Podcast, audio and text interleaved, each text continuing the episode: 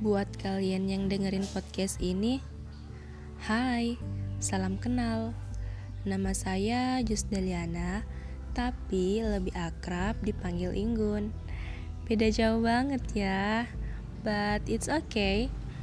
FYI, this is my first time buat podcast kayak gini. Sebagai pemula pastinya malu dan gak pede, but I must do it. Selain karena tuntutan tugas broadcasting, memang saya juga mau belajar dan mencoba hal baru yang belum pernah saya lakukan sebelumnya.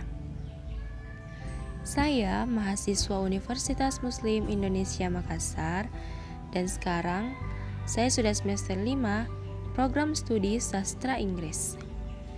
Kalau dengar kata sastra Inggris, mindset orang-orang tuh kayak gini. Wow, sastra Inggris, pasti jago bahasa Inggris. Grammarnya pasti bagus, speakingnya lancar, jago listening, jago writing, dan lain sebagainya. But it's depend on yourself. Jika kamu rajin belajar dan praktis, maka kamu juga akan punya skill yang bagus. Nah, kenapa saya memilih sastra Inggris? Ada dua alasan. Pertama, karena memang saya suka belajar bahasa Inggris. Jadi, saya ingin memahami bahasa Inggris lebih dalam. Dan alasan kedua saya yaitu karena orang-orang yang menguasai bahasa Inggris memiliki peluang karir yang menjanjikan. Yakin, ya harus yakin, dibarengi dengan usaha, dan juga doa.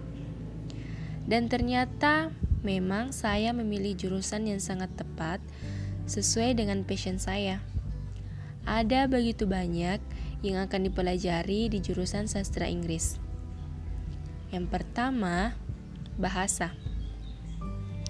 Berada di jurusan sastra Inggris akan mengajarkanmu bahasa, baik bahasa Inggris maupun bahasa Indonesia kamu akan lebih memahami berbagai macam kosakata, struktur gramatika, serta kemampuan untuk membaca, menulis, berbicara, dan mendengarkan bahasa Inggris.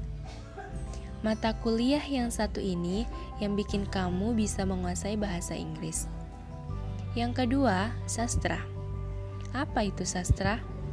Di jurusan sastra Inggris ini, kamu akan belajar gimana cara mengkaji sebuah karya sastra, baik untuk prosa, novel, puisi, dongeng, drama, film, dan bahkan lagu.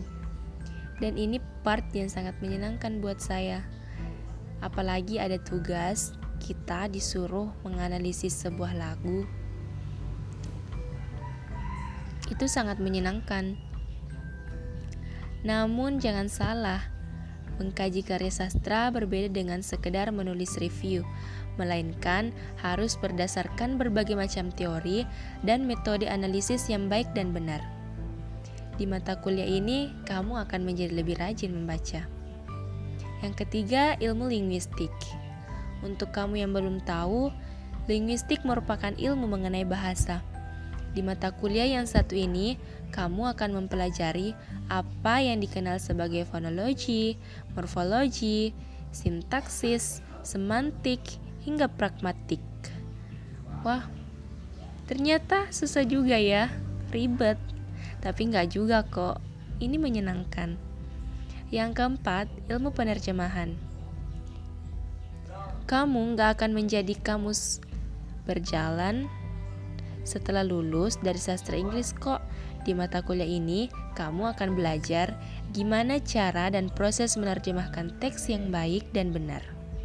Kamu juga perlu menambah sebanyak mungkin kosakata dan wawasan dalam berbagai bidang seperti komputer, sains, kedokteran, ekonomi, politik, dan yang lainnya agar bisa mengetahui padanan-padanan kata yang tepat untuk istilah-istilah asing dalam bidang-bidang tersebut. Yang kelima, sejarah dan budaya. Di sastra Inggris, kamu nggak melulu belajar bahasanya saja, tetapi juga sejarah dan budaya bahasa asing tersebut. Segala pengetahuan sejarah dan budaya yang terkait dengan bahasa Inggris akan kamu pelajari seluruhnya. Tidak hanya itu, masuk di sastra kita juga akan belajar broadcasting, perhotelan, communication, bisnis, dan masih banyak lagi lainnya dan pastinya sangat-sangat kita butuhkan nantinya. Ilmunya akan sangat bermanfaat. So guys, manage your time well and don't forget to practice, practice and practice. Thank you.